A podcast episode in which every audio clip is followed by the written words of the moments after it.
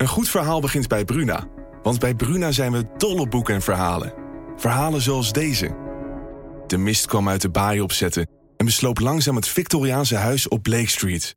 Drong door de houten kieren naar binnen en bleef in dunne sliert in mijn kamer hangen. Ik lag te rillen onder het dunne dekbed. Wil jij weten hoe dit afloopt? Je leest het in In de mist van Golden Gate Park van Murat Isik. Nu bij Bruna.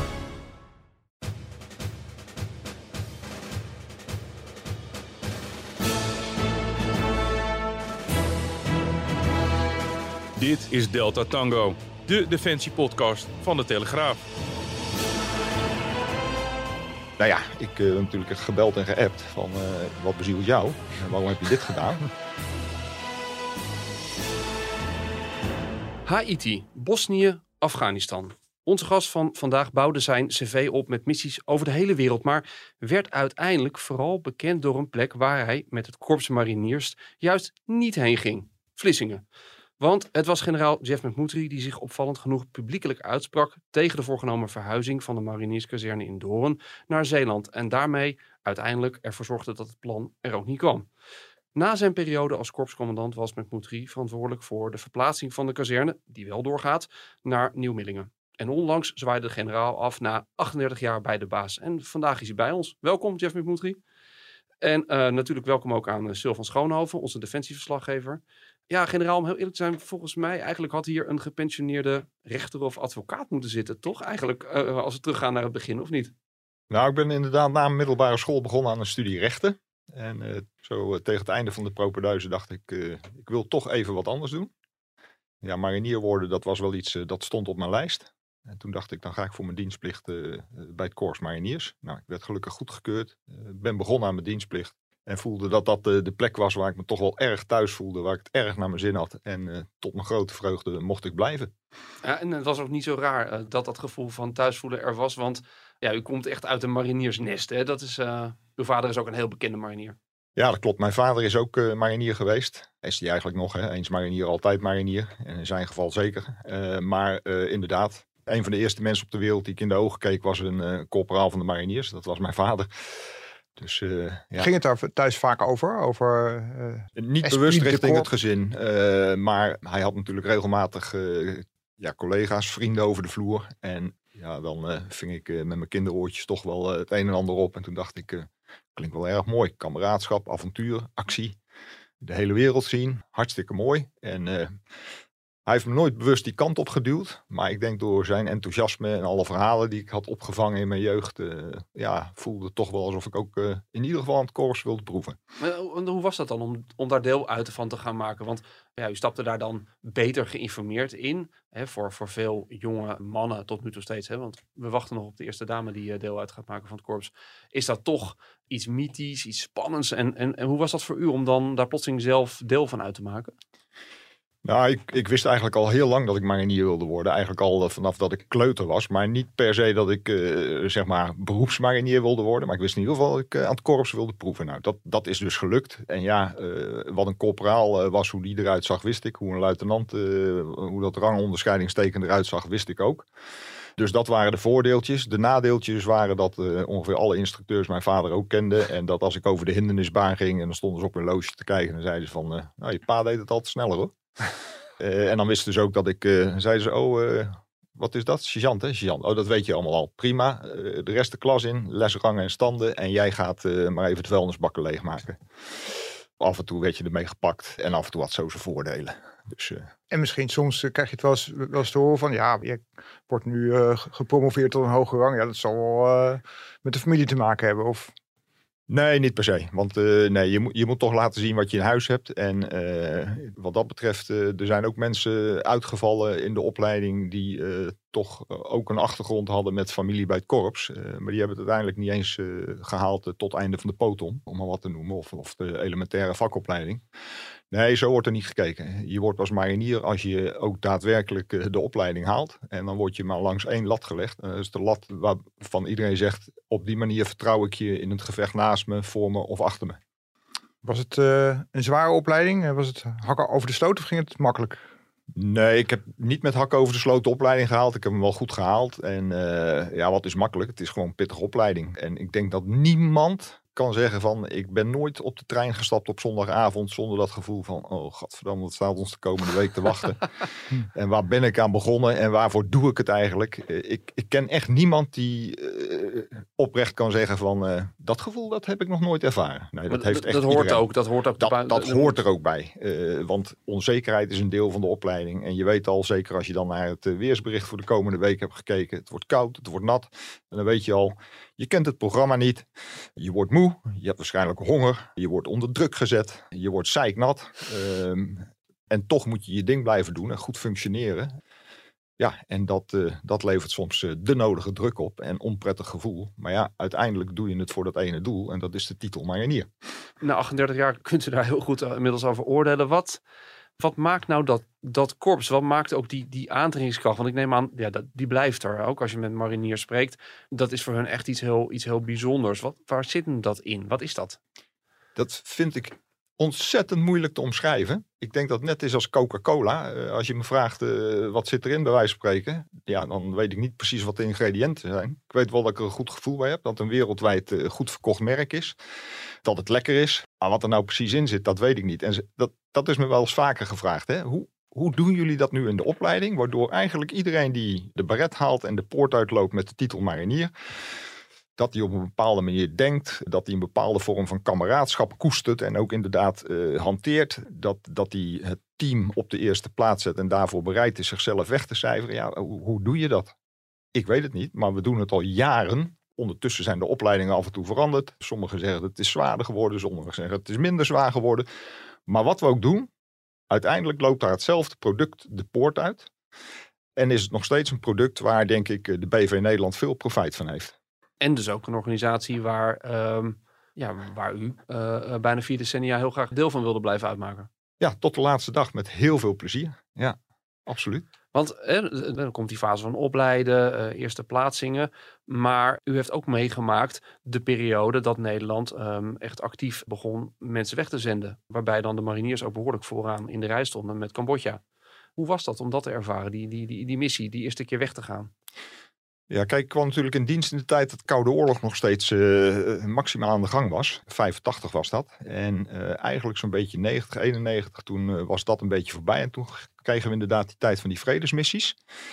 En ik weet nog goed, de, de allereerste was Irak. Daar werden we weggestuurd voor operatie, als ik niet vergis, Provide Comfort was dat toen, in het noorden van Irak.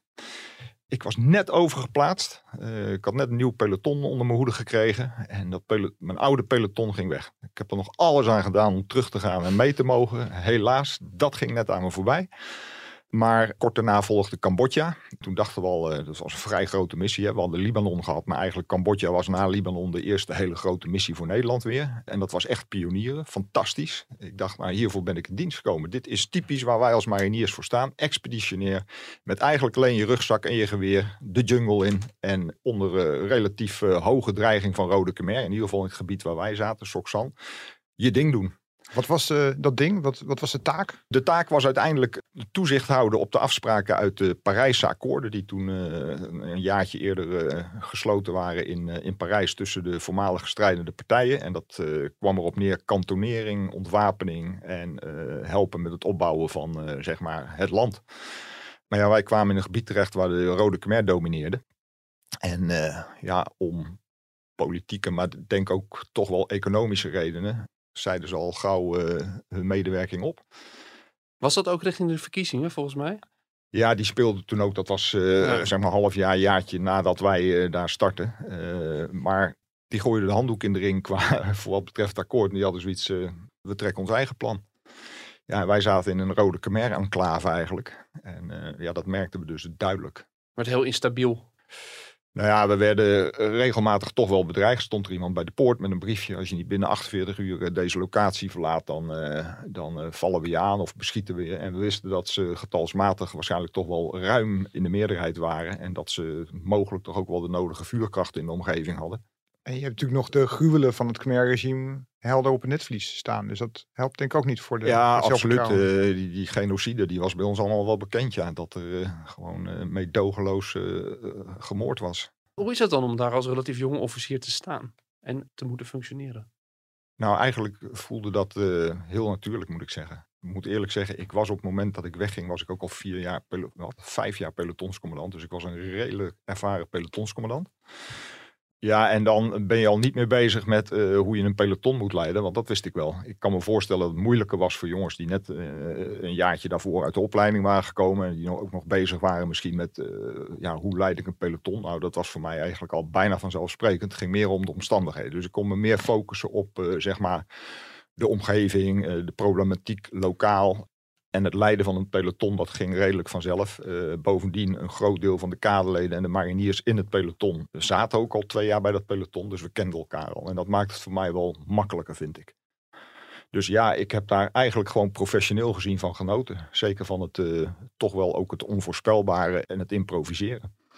Had je het idee dat je daar eh, een verschil kon maken? Toen je vertrok, had je het idee van, nou, we hebben echt iets kunnen doen? Of was het eh, toch uiteindelijk eh, heel lastig? Nee, toen we weggingen hadden we toch wel het idee dat we iets hebben kunnen doen. Want ik zeg al, we zaten in een enclave. En in die enclave woonde ook nog een andere voormalig strijdende partij. En ja, die mensen hebben we tijdelijk en plaatselijk in ieder geval toch wat, wat onderwijsmiddelen kunnen leveren. Toch een mate van stabiliteit kunnen leveren. We hebben een klein hospitaaltje gebouwd.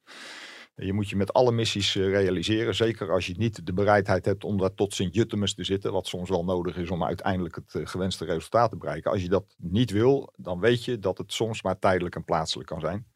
En om eh, frustratie te voorkomen, moet je dat aan de voorkant ook gewoon meenemen.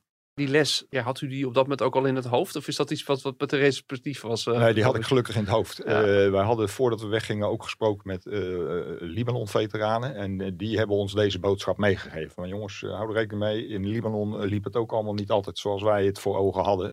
Zeker het werken bij de VN, dat levert soms ook zo zijn uitdaging op. Stel je daarop in, dan kan het niet tegenvallen. Wees blij met alle succesjes die je haalt. En accepteer gewoon dat er soms eh, frustratie is. En dat dingen compleet anders lopen. Om wat voor reden ook. Ik kan me voorstellen dat het inderdaad een enorm verschil uitmaakt als je zo erin stapt versus eh, wanneer je erheen gaat en je denkt we gaan de wereld redden. Absoluut. En ik merk ook aan eh, mijn voormalig peloton dat wij eigenlijk allemaal met een goed gevoel terugkijken op de missie. Wij zitten nog steeds met het grootste deel van het peloton op een appgroep. We zien elkaar nog regelmatig. Een groot deel van het peloton was ook op mijn afscheidsreceptie anderhalve maand geleden. En eh, wij kijken eigenlijk allemaal heel goed terug op die missie. En wij denken ook echt dat wij eh, wel iets bereikt hebben. Ja. En uiteindelijk wordt de missie eh een tak ook beoordeeld als eh, toch wel relatief succesvol. En niet, niet proberen de, de, de wereld te redden. Dat is natuurlijk ook wel een beetje het thema geworden uiteindelijk van Afghanistan. Hè? Waar eh ja, ook een rol heeft gespeeld. Deze week, eh, twee jaar na de val van, van Kabul.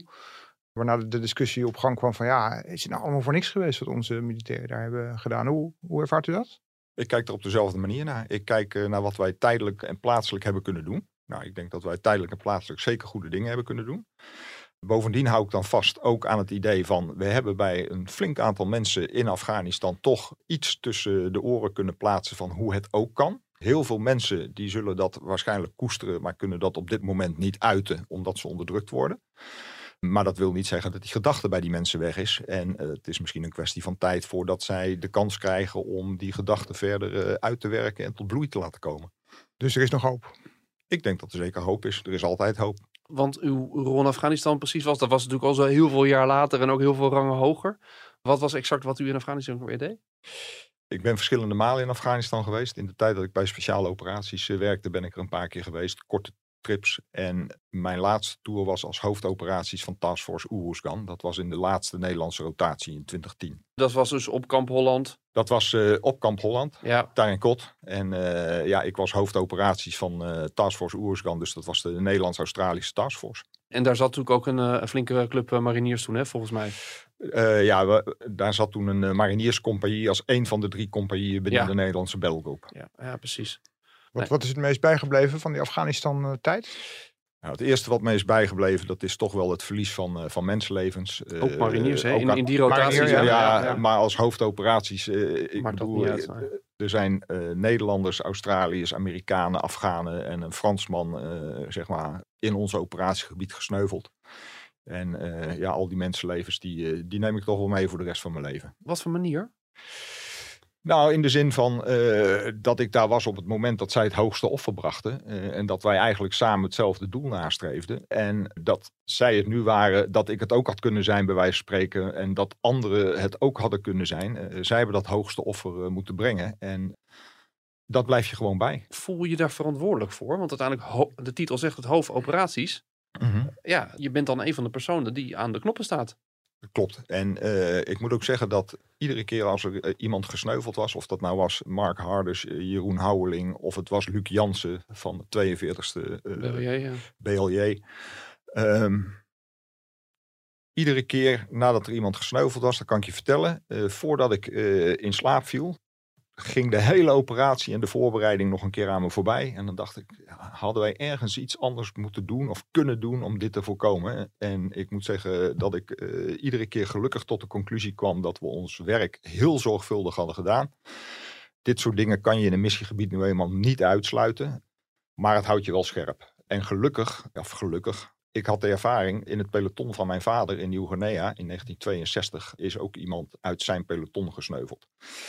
Hij was daar altijd vrij open over. Ik heb hem daar ook over horen praten met eh, collega's uit die tijd. En eh, het kwam wel op één ding neer. Ik was me vanaf dag één dat ik in dienst kwam bewust. De devil is in de detail. En eh, wat je doet, dat kan bepalend zijn voor het redden of verliezen van mensenlevens. Hm. En dat, dat is dan iets wat je in je hele professionele houding ook meeneemt. Wat in het achterhoofd zit als je je werk doet. Dat heb ik 38 jaar lang meegenomen als zeg maar toch wel rode draad door, mijn, ja, door mijn carrière. Is er wel eens een moment geweest dat u dacht van... eh, Oeh, nou heb ik toch even mijn aandacht laten verslappen. Dit had mis kunnen gaan? Want je kunt natuurlijk niet altijd alert blijven. En altijd ver genoeg vooruitkijken misschien. Nou, om heel eerlijk te zijn, is me dat niet gebeurd. Want ik was toch altijd op de juiste momenten eh, gewoon echt scherp. En eh, ik wist ook dat juist zo'n moment van zwakte, als je moe was of even heel veel dingen tegelijk had. Ja, dat je toch even triage moet doen en de juiste prioriteiten moet stellen. En, en terugkijkend, ik heb wel eens gedacht, heb ik ergens spijt van? Moet ik ergens spijt van hebben? En ik ben tot de conclusie gekomen dat dat niet het geval is. En zeker niet op dit soort eh, toch wel eh, ja, betekenisvolle dingen. Nou geldt voor elke officier dat hij klussen zoals dit krijgt. Hè, de operationele plaatsingen. Maar het is ook onafwendbaar, zeker vanaf een bepaalde rang, dat je heen en weer gaat tussen, in dit geval tussen Doorn, tussen Rotterdam, Ma- Mariniers eh, hoofdkwartier, eh, Den Helder, eh, Den Haag. Voor plaatsingen meer in stafachtige functies. Dus dat, dat gold ook voor u. Dat soort functies kwamen er ook aan. Waar lag er een voorkeur? Was u liever operationeel versus in dat soort staven? Of, of vond u beide interessant? Ja, ik ben echt in dienst gekomen voor het operationele aspect van het bedrijf. Zo simpel is het. Dus ik ben ook ontzettend dankbaar dat ik eh, ontzettend veel operationele jaren heb eh, mogen draaien. Veel missies heb mogen doen. Maar ja, daarnaast, wat je zegt, het is niet eh, mogelijk om zeg maar door te gaan in de vaart der volkeren zonder dat je af en toe een staffunctie draait. En hoewel ik dat niet altijd de meest leuke functies vond, heb ik ze wel allemaal eh, leerzaam en nuttig gevonden. Dus het paste verder wel in het carrièreplaatje. En ik moet zeggen dat de mensen waarmee ik eh, in die situatie samenwerkte, dat, dat, ja, dat waren ook altijd leuke teams. Ook met die mensen heb ik nog steeds contact. Uiteindelijk doe je het toch zelf met je team. Hè? Ja, nee, Maakt niet uit waar je zit. Dat is waar, maar er zit natuurlijk ook een, een. Je komt dan ook op een niveau, op een laag. waarbij eh, het niet alleen maar de militaire organisatie is waarmee je eh, te stellen hebt en in te draaien hebt. maar het komt ook op het, op het bestuurlijke vlak, op het politieke vlak. Eh, zeker in het geval aan Plein heeft u een periode gewerkt. Ja, hoe, hoe is dat voor iemand die vooral militair. Het ministerie van is? Defensie Voor, heeft ja, voor de- Plein 4. Voor de, voor, nou, onze lezers of onze luisteraars zijn kenners, ga ik ervan uit. Maar het is goed om het nog bij te zeggen. Ja, ik heb eh, twee perioden op het plein gewerkt. Eén periode bij de directie operaties, eh, de afdeling speciale operaties. En één periode als eh, chef kabinet van de CDS. Dat was een periode van ruim drie jaar, 2014, 2017. En wat dat betreft, de werelden moeten begrip voor elkaar hebben. Dus enerzijds moet de werkvloer begrijpen waarom soms beslissingen genomen worden die ze niet leuk vinden, maar die gewoon puur politiek, ambtelijk gezien noodzakelijk zijn. Anderzijds moet zeg maar, de hogere leiding ook de oren open houden voor de geluiden van de werkvloer. En, en daar moet je een juiste balans in vinden. En daar moet je gewoon wederzijds begrip hebben. En ik heb altijd getracht om zeg maar, die interface te zijn tussen die twee werelden. En zeg maar, eh, de ene keer te spiegelen richting de werkvloer. Ja jongens, ik weet dat het niet leuk overkomt. eh, dat het niet goed voelt. Maar het is even niet anders. En je moet gewoon accepteren. En binnen deze kaders moet je er het beste van maken. Punt. Ja, Ja, uitvoeren mars en het is niet anders. Aan de andere kant heb ik ook wel eens gezegd in het Haagse van, ja wacht even, wij kunnen dat hier nu wel zo bepalen en vinden, maar ik vraag me werkelijk af of de werkvloer daarmee gediend is. Kijk, en op die manier heb ik altijd geprobeerd, als het nodig was, om op bepaalde punten aan te geven wat er aan de andere kant van, uh, van de schutting uh, gedacht werd. Ja, nu ontkomen we er niet aan natuurlijk. Nu komen we uh, automatisch op, op Vlissingen, want dat is misschien wel de ultieme voorbeeld daarvan. U werd korpscommandant. Is dat het wel misschien de ultieme functie die je kan bereiken als marinier? Echt voorman van die club zijn? Het is super eervol. Maar als ik het niet was geworden, had ik nog steeds een fantastische carrière gehad hoor. Ja. op basis van wat ik allemaal gedaan heb. Maar, maar dat betekende ook, hè, want u werd korpscommandant op een, in een periode die uh, defensie breed, maar ook voor het korps niet makkelijk was. Want er zat nog steeds een flinke staart van de bezuinigingen was er, was er aan de gang. Dus er waren weinig middelen, weinig geld. En we herinneren me uit, dat verhaal, uit die periode nog wel. Dat was toen ik uh, weer over defensie begon te schrijven, zelf hier voor de krant. De verhalen over de winterjassen waar de fourageur een, een, een rol tape uitreikt en zei, sorry, we hebben geen nieuwe, doe er maar duct tape op. Dan is hij ook dicht. En er hing natuurlijk op dat moment dat verhaal van Vlissingen hing boven de markt. Uh, het korps zou een nieuwe kazerne krijgen in Vlissingen. En mede daardoor uh, was er een enorm verloop van mensen die zeiden: Ja, sorry, als dit hem wordt, dan houdt het voor mij op, dan ga ik liever wat anders doen. Dat lijkt me heel, uh, een hele moeilijke situatie om dan daarin te stappen. Ja, maar goed, uh, ik ben ook niet in dienst gekomen voor alleen maar makkelijke situaties. Uh, ik houd wel van een uitdaging. Uh, en dit was wel een, behoorlijke uitdaging inderdaad. En wat ik gedaan heb is gewoon beoordeling van de toestand maken. Zoveel mogelijk informatie verzamelen. verschillende invalshoeken daarop nemen. En dan uiteindelijk kwam ik tot een conclusie. En op basis van die conclusie heb ik gehandeld. En, en wat was die conclusie? Die conclusie was dat uh, Vlissingen geen goede plek was uh, voor een marinierskazerne. Wat waren ook weer de, de redenen? Oh, er, er, waren veel redenen, maar onder andere de, de, ligging in, in het land, werving, behoud, maar ook uh, oefen- en trainingsfaciliteiten, de nabijheid daarvan. Ehm, kortom, we hadden een waslijst aan bezwaren. En eh, ja, kijk, in de eerste jaren van het project uh, was er nog de stille hoop van, nou misschien uh, valt het allemaal wel mee en wordt rechtgetrokken. Maar toen ik op post kwam, uh, had ik toch wel het idee, dit gaat niet meer goed komen. Je werd niet zo goed geluisterd. Of er niet goed geluisterd is, weet ik niet. Misschien is er wel goed geluisterd, maar had men toch stiekem de hoop van, nou, we kunnen het nog wel rechtbreien. Maar toen ik op post kwam, had ik niet meer het idee dat dit nog rechtgebreid kon worden. Wat deed u daarmee? Heeft u toen in eerste instantie, wij spreken intern binnen het departement gezegd van, jongens, die gaat niet? Of wat, wat, wat doe je dan in, of, uh, in zo'n situatie uh, als, als commandant van de club? Nou, je, je bespreekt het natuurlijk uh, met, met de mensen om je heen. Ja, je voelt de temperatuur van het badwater en denkt van nou, deze kant gaat het op. En ik had zoiets van, ja wacht even, er wordt nu iedere keer geroepen, point of no return is nog niet bereikt. maar we stevenen er wel hard op af. Hm. Dus er moet wel iets gebeuren voordat point of no return bereikt wordt. Ja, en ik heb toen de beslissing genomen om uh, in ieder geval een column te schrijven. Uh, ook omdat ik proefde dat de achterban het idee had dat ze niet gehoord werden. Nou, die werden wel degelijk gehoord, alleen dat werd onvoldoende geventileerd dat ze gehoord werden. Maar het is ook ontzettend lastig ook, want uh, traditioneel is natuurlijk de militair, of het nou een, een, manschap is, een onderofficier of een officier, die heeft uit te voeren, punt. Ja. Maar je komt dan op een gegeven moment, kan ik me voorstellen, in een situatie die ook enorm nou ja, ook gewoon, wij spreken, uh, moreel heel ingewikkeld is. Je ziet van dit gaat mis. En dan zal je toch, wij spreken inderdaad, uit die traditionele verhouding moeten stappen van uh, we voeren uit en, en, en, en, we geven geen tegengas. Ja, kijk, op mijn niveau, met mijn ervaring, mag je toch wel verwachten dat ik uh, weet waar ik over praat. En als je dan alleen maar blind uitvoert terwijl je ziet dat dingen fout gaan. We hadden 70 jaar geleden ook veel kritiek op het gegeven bevel is bevelen. En dan maar blind uitvoeren. Ja. Dus ja, waar ligt het kantelpunt? En bovendien in mijn column staat werkelijk niets verkeerd. Wat gebeurde er nadat u column uh, dat hij het levenslicht had gezien en, en dat hij bij de mensen op de mat lag? Nou ja, ik uh, natuurlijk gebeld en geappt van uh, joh, wat bezielt jou? En waarom heb je dit gedaan? nou, dat heb ik haar fijn mogen uitleggen. En ik moet zeggen, dat, daar is naar geluisterd. Ja, en de rest is eigenlijk history. Het belangrijkste is dat het doel is bereikt. We krijgen een goede kazerne op een goede locatie. Maar nooit gedacht van, ja, als ik dit nou doe met een beetje pech, uh, sta ik met een kartonnen doos met een paar fotolijstjes en uh, sta ik op de, op de stoep uh, overmorgen? Ja, dat had gekund, maar had ik ervoor over. Ja.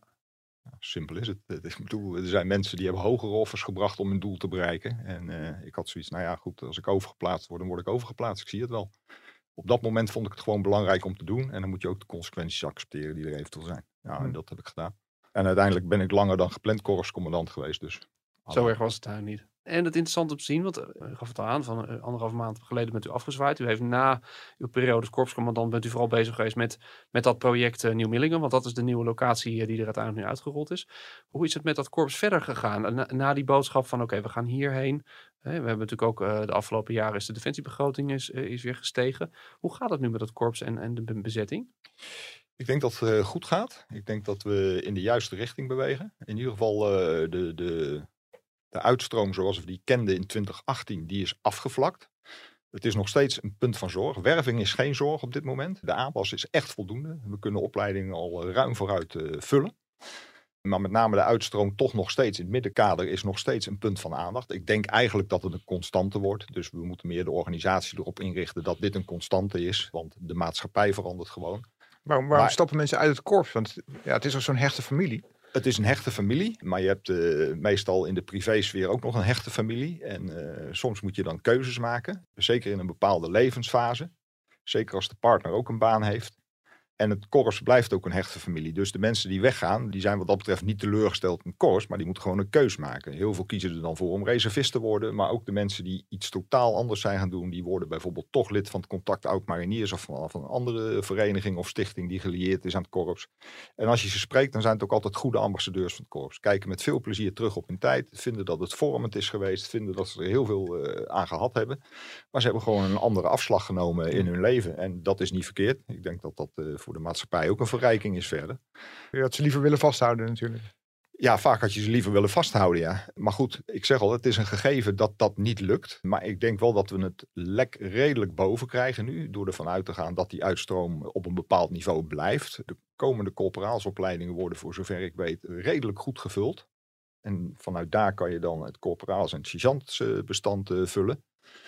Maar ik ben ervan overtuigd dat als Vlissingen wel door was gegaan, dat uh, we het lek uh, niet meer boven hadden gekregen. En dat de uitstroom veel en veel groter was geweest. En, dan is En dat, en dat krijg, ik, korps, toch? krijg ik telkens nog bevestigd door mensen die ik tegenkom. En die dan zeggen, joh, uh, nog hartstikke bedankt, want anders was ik niet weg geweest. Ja. En, en die lopen nu nog wel rond binnen het korps. En dat is natuurlijk een, een, een gedachte die uh, voor mariniers... Uh, um, afschuwelijk is het idee dat dat oudste korps van Nederland, want uh, dat, dat is het korps mariniers, hè, met een langste traditie, langste geschiedenis, ja, dat dat serieus in het voorbestaan zou zijn bedreigd, dat is, um, nou, daar moet je niet lang over na willen denken, denk ik. Nee, kijk, maar als het alleen dat was, dan was het nog een kwestie van emotie. Het uh, is natuurlijk ook vervelend dat V&D verdwenen is. Een prominent merk in Nederland, maar uh, weet je, waar we allemaal goede herinneringen aan hebben.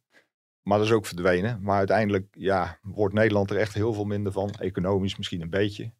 Maar het Corps Mariniers is gewoon nog, nog steeds zeer relevant anno nu. Door alles wat wij doen binnen de krijgsmacht. We leveren een enorm uh, deel van de dienst speciale interventies. Dus op dagelijkse basis. Wordt nog wel eens vergeten, hè? Mensen beseffen dat niet. Die denken dat die zien mensen met politie. Maar dat is ook nog wel eens frustratie binnen Defensie, weet ik. Maar dat zijn heel veel mariniers naar bij. Uh, ja, ik denk dat ongeveer de helft uit mariniers of oud-mariniers bestaat. Dus daar leveren we een groot deel aan. Maar laatst uh, de evacuatie uit Sudan. Ja, daar werd op de knop gedrukt. Daar ging ook een marinierscompagnie die kant op. En zo leveren we continu bijdragen aan de nationale belangen. Was het niet een raar moment eigenlijk om nu af te zwaaien? Eigenlijk nu uh, ja, de situatie op het wereldtoneel heel anders is geworden. Vredesmissies, hoe belangrijk ook, is natuurlijk wat anders dan, dan hoofdtaak 1. En die, ja, die, die hoofdtaak, de dreiging van Rusland, staat nu weer volop in de aandacht. had u niet eigenlijk bij willen blijven om dat mee te maken? nee. In die zin, tuurlijk, ik heb het altijd gezien als uh, met veel plezier uh, mijn werk gedaan. En uh, werk en hobby, dat liep soms bijna door elkaar heen, bij wijze van spreken. Maar ik weet ook dat deze leeftijd, het is tijd om te gaan. En waarom? Omdat er heel veel potentieel achter mij zit, jongere leeftijd. Ik heb ook gezegd tijdens mijn afscheidsspeech dat ik de organisatie in het volste vertrouwen verlaat. Omdat ik gewoon weet dat er ongelooflijk veel potentieel binnen de organisatie zit. Mensen die moeiteloos met heel veel energie en misschien nog wel beter dan ik zaken oppakken, eh, de organisatie leiden. Dus uh, er is een moment, dan moet je gewoon zeggen: Het is mijn tijd geweest en ik ga, en ik ga met een heel goed gevoel. Er zijn heel veel mensen die, die het niet hebben zien aankomen, hè, wat er nu uh, gebeurt in Oekraïne. En uh, hoort u tot die mensen of had u al langer het, het gevoel van er zit iets dreigends aan te komen? Nee, dat, dat gevoel had ik al veel langer. Uh, had ik al veel langer. Tijdens mijn afscheid van het bataljon in 2014 zei ik al, toen was Rusland eigenlijk net bezig op de Krim. Krim. En toen zei ik al, uh, ik ben er niet gerust op dat dit niet verder gaat escaleren. Dus hou er rekening mee. We gaan terug naar de tijd van de Koude Oorlog. En dat betekent ook een andere manier van optreden dan we in de afgelopen 15 tot 20 jaar hebben gedaan. Ja, dat blijkt. Hoe verandert de rol van het Corps Mariniers? Want je hoeft niet per se de jungle in uh, om op te treden. Het vindt in Europa plaats, hè, het grote mhm. toneel. Hoe verandert die rol van het korps? Ja, je weet niet of je de jungle in moet. Hè? Je, je weet niet waar het zich gaat manifesteren. Je hebt natuurlijk altijd spillover effecten. Want eigenlijk heb je weer verschillende machtsblokken. En waar we er eh, in de Koude Oorlog 1.02 eh, hadden, eigenlijk het Oostblok en het Westen. We hebben er nu eigenlijk wel drie, denk ik. En dan nog wat ongeleide projectielen. Want ik reken nu China ook mee als een van de blokken natuurlijk. Dus het is eigenlijk allemaal veel complexer geworden. Ik denk dat we Koude Oorlog 2.0 hebben overgeslagen. En dat we nu in een soort Koude Oorlog 3.0 meteen terecht zijn gekomen. Die veel complexer is door de technologische ontwikkelingen. Maar ook door hybride oorlogvoering. Open grenzen. Ja, global community. Veel meer dan 25, 30 jaar geleden. Maar hoe maakt het dat anders? Hoe maakt het dat anders? Ja, om te beginnen de hybride oorlogvoering is natuurlijk iets, uh, dat wordt veel genoemd. Maar dat is iets, uh, kijk, dat mensen op de Noordzee jouw uh, datakabels in kaart brengen. Ja, wat, wat, wat moet je daarvan vinden? Dat ze jouw energievoorziening daar in kaart brengen. Je windmolenparken. Ja, wat kan je daarvan vinden? We hebben natuurlijk met de Nord Stream gezien, die is opgeblazen. Ja, wie heeft dat gedaan? Iedereen wijst naar elkaar. En zeg maar wie het gedaan heeft. Is het een false operatie geweest? Hebben de Russen het gedaan? Zeg het maar. Je hoort alle theorieën. Maar uh, feit is dat het ontwrichtend werkt. Dat je niet weet waar het vandaan komt. En dat zeker ook door het gebruik van sociale media. Kijk, uh, informatiedichtheid is enorm natuurlijk tegenwoordig.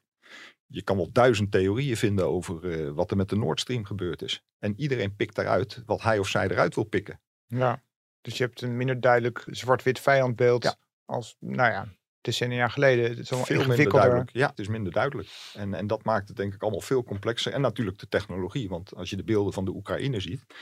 Toen ik in dienst kwam, toen uh, had ik nog nooit uh, van het woord drone gehoord. En nu uh, vliegen er tientallen van die droontjes over de loopgraven. En die, die zien iemand zitten. En vervolgens komt er een droontje met een handgranaat eronder. En die laten ze tot op de centimeter nauwkeurig in de loopgraaf vallen. Ja, dat zijn toch allemaal nieuwe dreigingen. Datzelfde geldt ook voor uh, cyber natuurlijk. Hè. Cyber is ook een domein uh, waar tegenwoordig in gevochten wordt. We zijn er steeds afhankelijker van, van alles wat er in cyberspace uh, gebeurt. Maar dat maakt ons ook kwetsbaar. Maar tegelijkertijd ook weer de, de terugkeer naar Eerste Wereldoorlog-achtige tafereelen als loopgravenoorlog. Hè. Ik ben bij Interflex geweest. Het Corps Mariniers heeft ook meegedaan aan de training van Oekraïnse mm militairen die nu, ja, die nu in de frontlinie staan.